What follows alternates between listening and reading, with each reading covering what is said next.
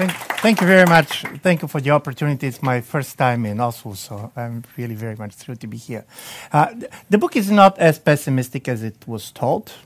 Uh, and secondly, it's not a book of somebody who does not like European Union.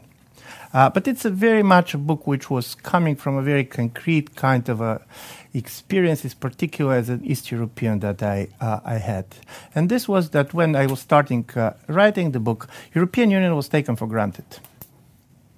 And this is what East Europeans, in a certain way, are not ready to tolerate because uh, we have seen a kind of a political system that, at least in places like Bulgaria, looked quite stable 30 years ago, collapsing overnight.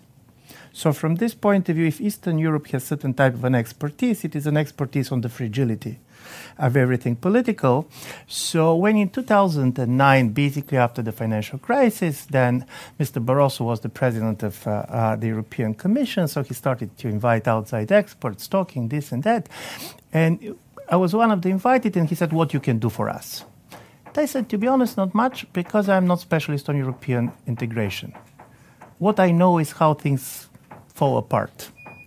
I have been working on the Soviet disintegration. I have been working on the disintegration of Yugoslavia. So I said, but what I can do for you, President, is I can get first class historians who know how big political projects disintegrate, and let's see what kind of relevant lessons we can do.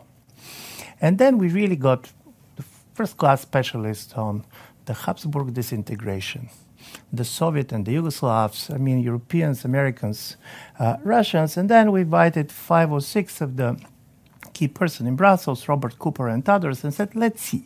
Is there, and this is not about elementary comparisons. So we know that neither European Union is Soviet Union, nor Yugoslavia was the Habsburg Empire. But there are three things that stayed with me after this kind of a discussions and in a certain way pushed me to go for the book.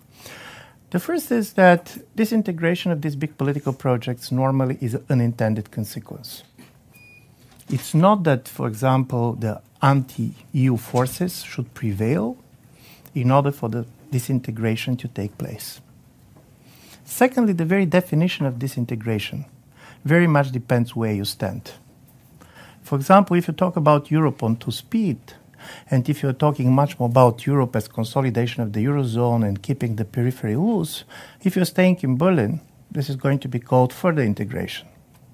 If you're staying in Sofia, this is going to look slightly like disintegration.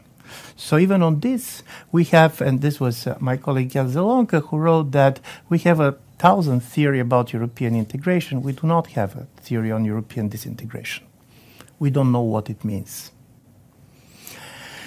And thirdly, so my idea was if it is this type of uh, unintended consequences, very much based on the miscalculation of the different political actors how their kind of acts can affect uh, their politics, what we should be interested for, and how we can prevent uh, certain type of negative developments. And in the book, uh, I, uh, I, I, made an, an, argument which is not going to strike you as being very original, but my argument was that out of the four crises that basically have been shaping the European Union in the last 10 years, starting with the financial crisis, which has a very important impact uh, for changing the economic expectations of the European citizens. Now you have much more people who believe that their kids are going to have a life which is going to be worse than their own, which also very much brought the South uh, North divide in Europe. And it was very important because it became a kind of the divide between creditors and debtors. And the relations between creditors and debtors are not the relations of equality. And thirdly, what was important was that uh, paradoxically, the financial crisis put an end to one of the very important legitimation force behind the European projects, namely the convergence power of the European Union. When the poor countries enter the European Union, they're never going to become as rich as the richest, but over time, the distance is kind of uh, closing. And this was very much there. It's still true for Eastern Europe it's not true for some of the South European countries. For example, in Greece, even if their kind of economic reforms program goes well, according to the expectations of uh, uh, the IMF, in 15 years, the difference between uh, the incomes, the average incomes of the Greeks compared with the projected average incomes of the Germans are going to be the same what was the distance between the Greek and West German incomes in the day they entered the European Union. So this is, in my view, this is quite important because it's very much about the very hard legitimacy. The second crisis, of course, was very much about uh, the Ukrainian crisis, Russia's annexation of Crimea, Donbass.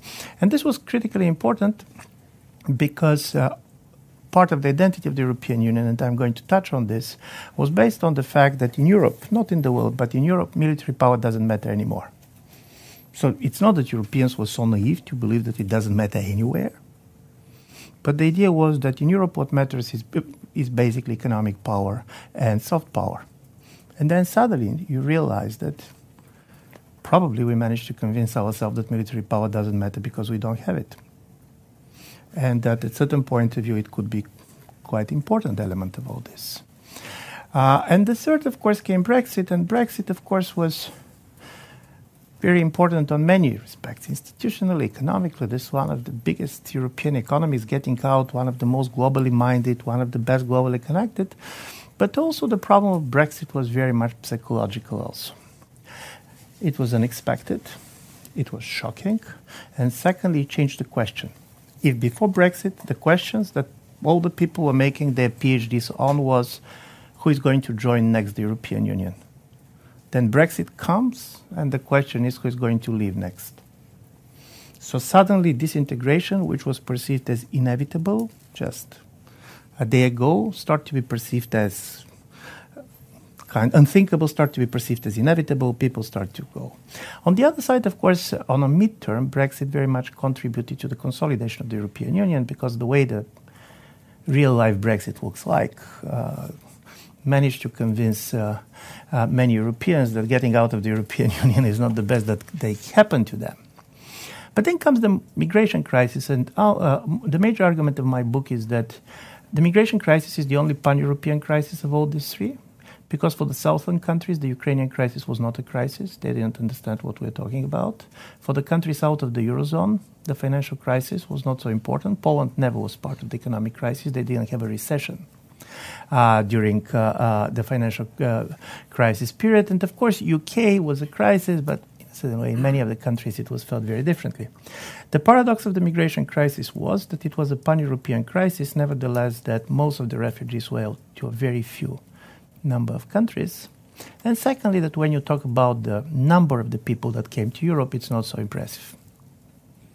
If you simply talk numbers, and I'm going to tell you why we should not talk only numbers, but if we talk only numbers, uh, the, the number of people that came as a result of the Middle East crisis, and I'm talking particularly about the refugee crisis, is twice uh, smaller than the number of people who went to Turkey.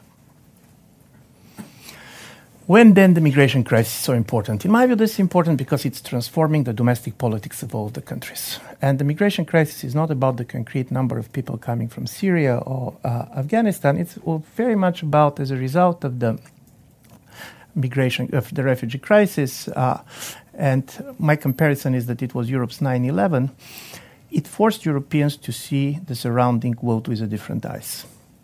9/11, from this point of view, was also not what the matters. The numbers matter. 3,000 people being killed in New York is a tragedy, but in terms of numbers, we know much bigger tragedies around the world. But it dramatically changed the way America was seeing the globalization, Americanized world, and others. The same happened in Europe with the refugee crisis. Suddenly, what started to prevail is what I'm going to call the demographic imagination suddenly look at the world and you start to look at certain projections and statistics which can turn to be wrong, but now for you they're reality. And first you start to understand that you're living in the world in which this is going to be in 50 years the world with not so many Europeans.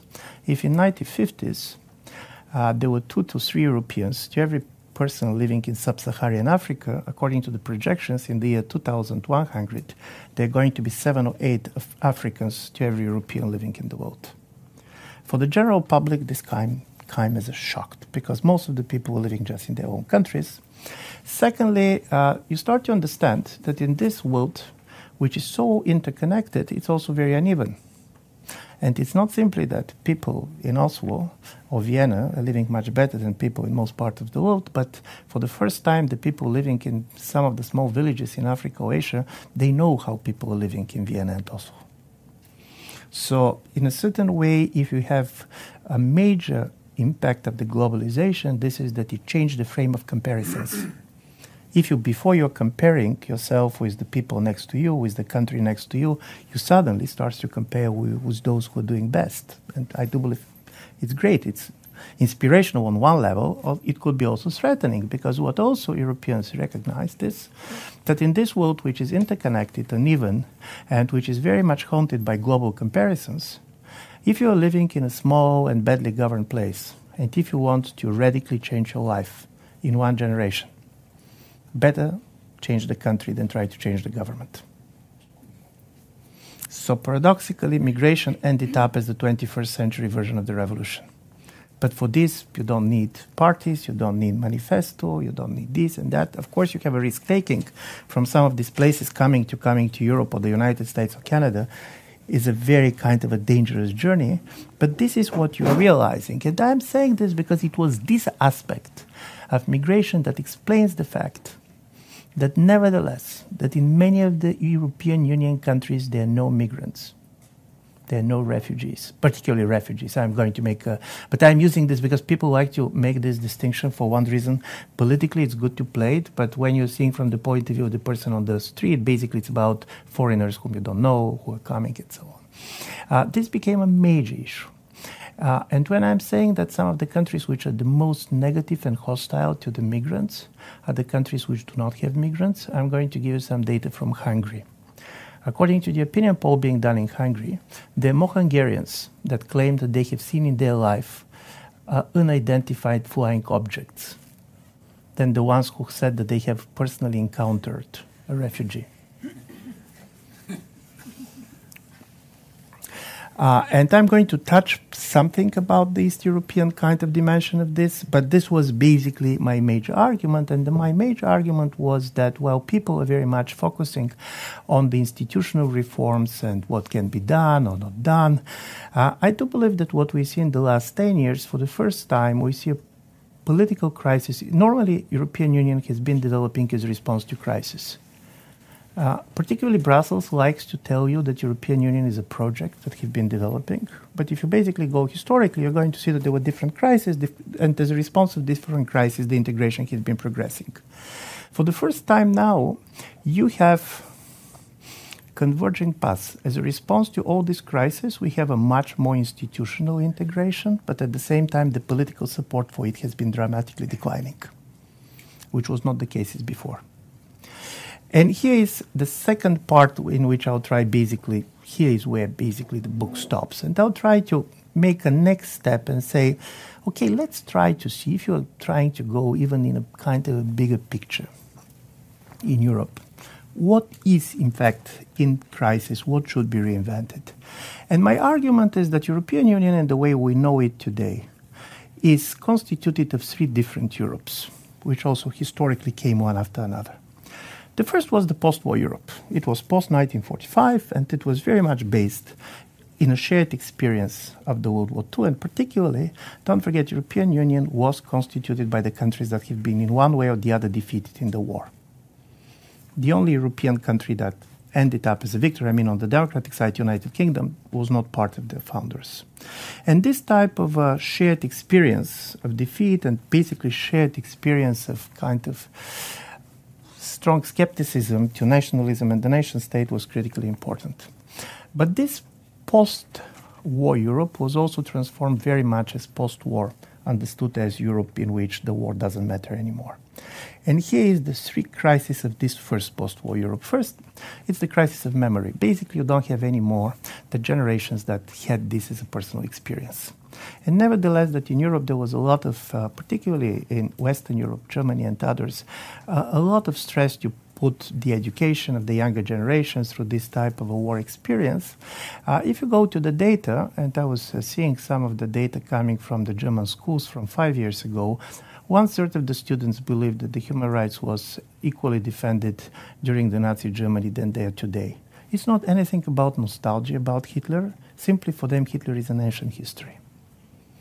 Uh, and one of the interesting impact of the new technologies is that it uh, makes people more and more communicating within their own generations but you have less and less, in a certain way, talk with the grandparents and others that have lived history. And because basically you don't have it in home anymore people that have been alive during these wars and so on and so on, it became slightly abstract. As uh, Tony Judt, uh, uh, the great uh, Anglo American historian, used to say, we're not learning history anymore, we're just learning the lessons of history.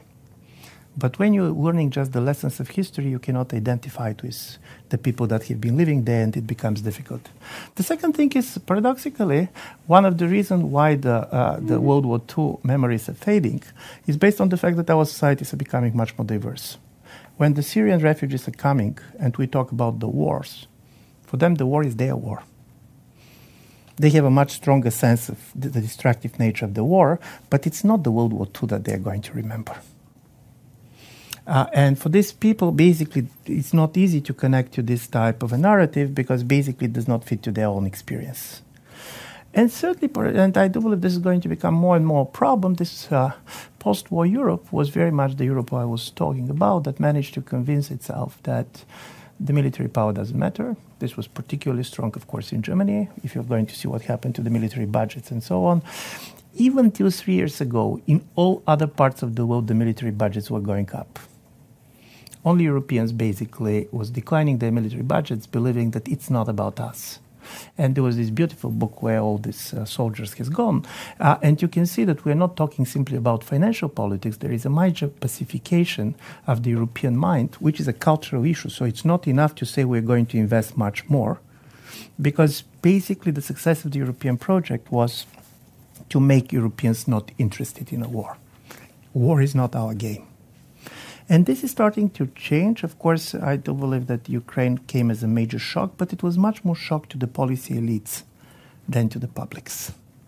In the publics, you don't have this major idea that the world is changing in a different way, and it's different from country to country. And uh, but I do believe, particularly in Germany, uh, uh, I don't believe that they still have the feeling that the world has very much been transformed on this uh, on this level. And the next thing that is happening, but I do believe is going to escalate much more, is that post war Europe is now in crisis because this type of post 1945 Europe was an America's Europe. And the relations between the United States and the European Union has changed dramatically, and they should not be blamed simply on President Trump. President Trump is who he is, uh, and it's easy to talk about him, but at the end of the day, I do believe it started much earlier, and this is there are much important structural reasons behind it. Simply under the Trump administration, it took this type of a cartoon form, which makes it very more visible. But I do believe that it is changing because, and I'm coming from Washington. I was for the last three months uh, uh, in, the uh, in, in Washington, and this is an amazing to see. In Washington, every talk is China. You have the feeling, the atmosphere very much of, on the base of what I have been reading historically. This is like United States 1949 Truman moment.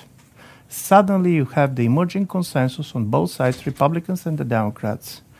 China is the biggest rival. Everything is going to be decided in the next 10 years. It's going to be US versus China.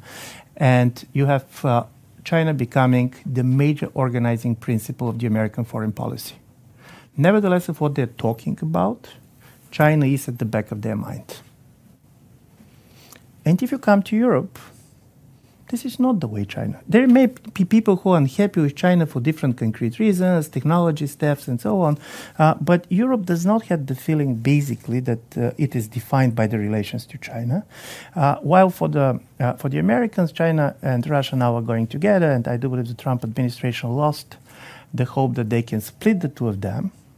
Uh, but even this, uh, even people who, for example, could be very much antagonized by Russia and afraid of Russia, they're not going to put China and Russia together.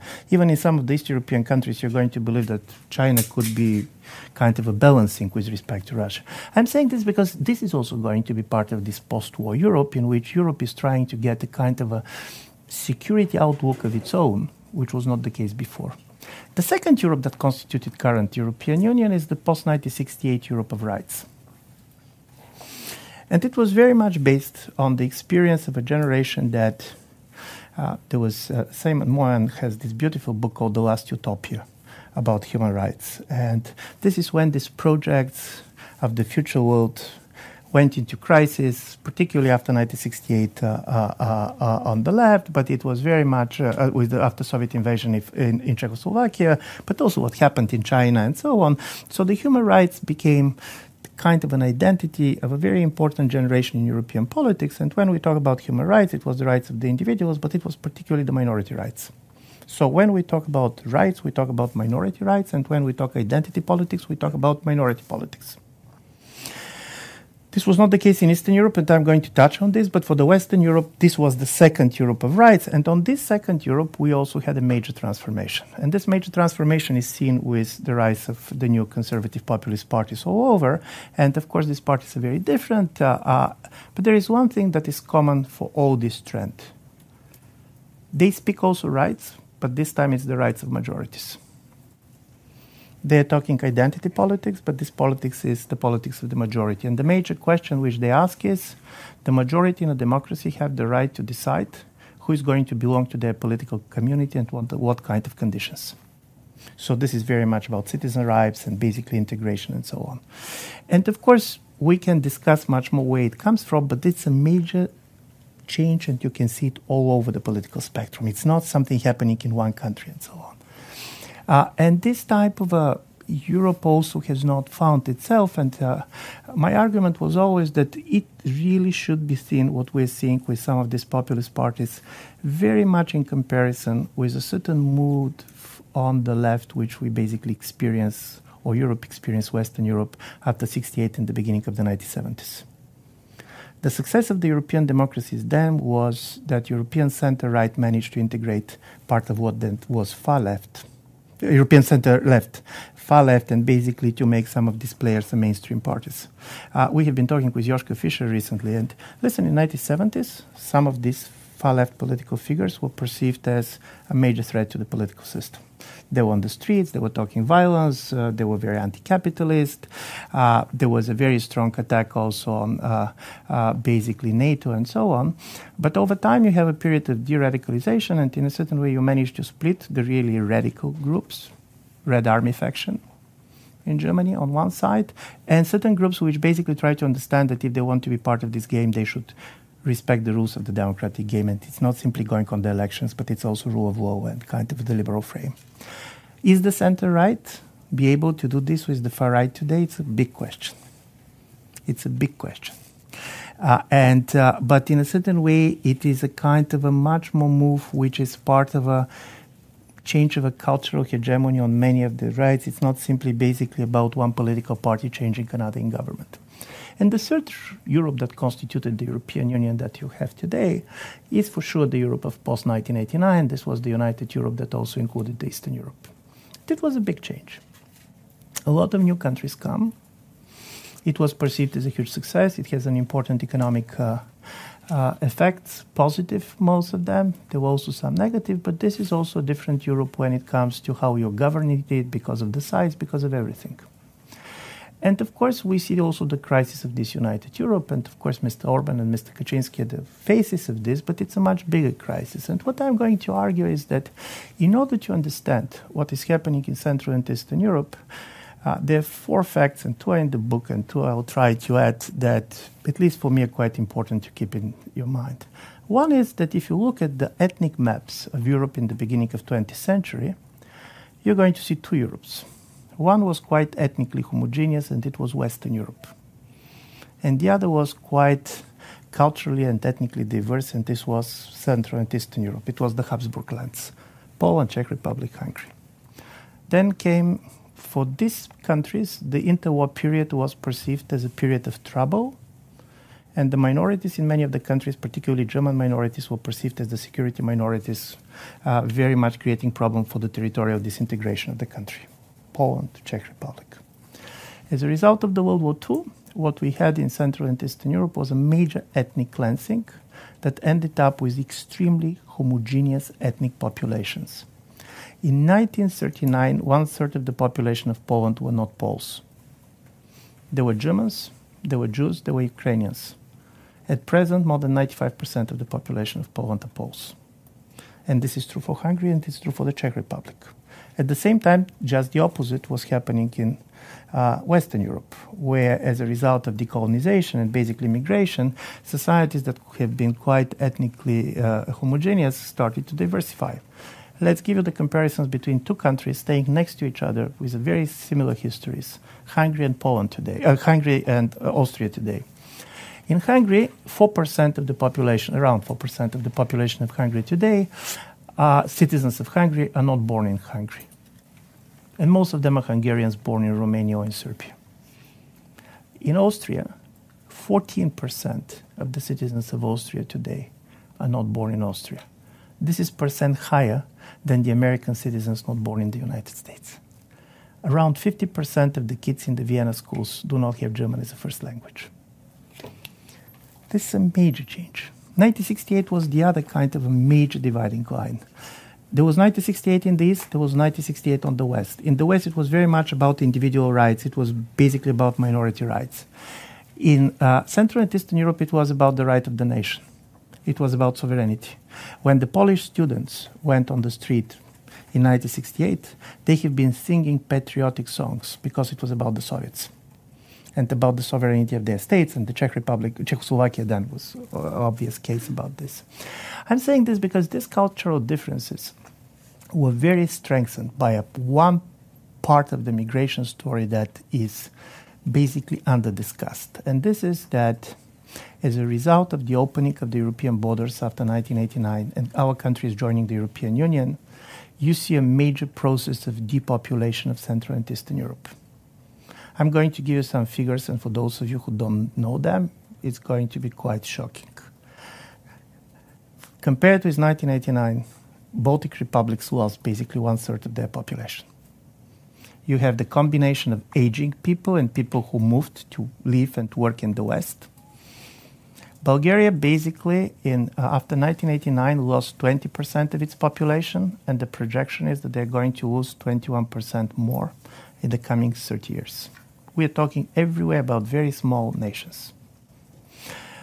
In Romania, which is a country of 20, 21 million, for the last 10 years, 3.4 million people left the country to work uh, and live abroad, and out of them, three fourths are on the age under 35. Depopulation, when East Europeans talk migration, the biggest concern is not about foreigners coming because there are not many foreigners running to our country at the moment. I never saw basically a Syrian dreaming to live in Romania or Bulgaria. But it is about the trauma of the people living because people who left they're hurting their countries in three important ways first economically it's not simply that you're losing labor and in the beginning it was positive because there was high unemployment people are coming to norway they're working their remittance is money so it was positive. and from the point of view of the individuals it is still positive. But the problem is that people who are living all the money that state has invested in their education go with them. So paradoxically if you're going to start to calculate the money have been leaving Eastern Europe as the investment that have been done in the education of these people, you're going to see a huge amount of money. And in certain parts of the public services, particularly, it is dramatic. I'm always joking that it's much easier to find in Eastern Europe non-corrupt politician than to find a nurse. Because the nurses are totally out, they're very badly paid in our countries. On the other side, there is a huge demand for people taking care of older people in much richer countries. So all the people that have these skills are living, you can imagine what is happening to the health system as a result of it. But also it's psychological. And psychologically, this is quite important because even if your life has changed, and in many of our countries, the change is very positive. If you basically go Bulgaria, but particularly if you go to a place like Poland, this is a different country. And this is different in a very positive way. So you can, and even Are going to recognize it. 80% of them are quite satisfied with their life. But when you are living in this country and you know that many of your friends wants to leave the country, the idea of the success is not the same. It's not the same to be successful in a country which everybody wants to come to and in a country from which many wants to leave. The strange and third political effect of all this is, and this is part of the paradox of 1989, after every revolution somebody is leaving the country. But normally this is the defeated party. this was the white Russians that lived after the Bolshevik revolutions, and it was white French after the French Revolution. Uh, in Eastern Europe, the first to live was the liberal East Europeans, because every revolutionary wants to live in the future, and if you believe that the future of Poland is Germany, better to go directly to Germany than to wait basically your country to become like Germany. So as a result of it, you have uh, a very a lot of young people living. As a result of it, the young people are becoming a small generational cohort and their vote does not matter so much on the elections. And this explains very much the fact why you're going to read a lot of story about young Romanians or Bulgarians protesting on the streets, but you're not going to see their choices very much being represented in the government or in the parliament. They don't have the numbers. They don't have the numbers. Uh, so I'm saying this, and there is uh, my last point is the other thing that happened in Central and Eastern Europe was that after 1989 there was something that uh, I'm calling the imitation imperative. The idea was that with the end of the ideological confrontation, what uh, the world and particularly post-communist countries are going to do is imitate the West, institutions, norms, ways of life. And this was very much also the choice of our countries themselves. But after a long period of imitations, something important is happening. The relations between the model and the imitator are asymmetrical relations. You're all the time judged by somebody else. Your success, your failure. And this rejection of the imitation is becoming the major battle cry of all of the populist parties. As one of uh, the major intellectual supporters of Mr. Orban used to say, we don't want to imitate the Germans anymore. We don't want to imitate the French. We want to be our own. Uh, so this kind of a rejection of the imitation as the way of politics is behind much of uh, the uh, the support for the populist parties which we see. So I'm going to end up here because, in my view, European Union, in order to get out of this crisis, is not simply basically trying to do slightly better on the economy or try to have institutional form here and there. It should try to deal with all these three Europes that we are talking about. It should try to reinvent itself as a post-war project, but post-war project in the world in which the military threats are much more back and very different than they have been before.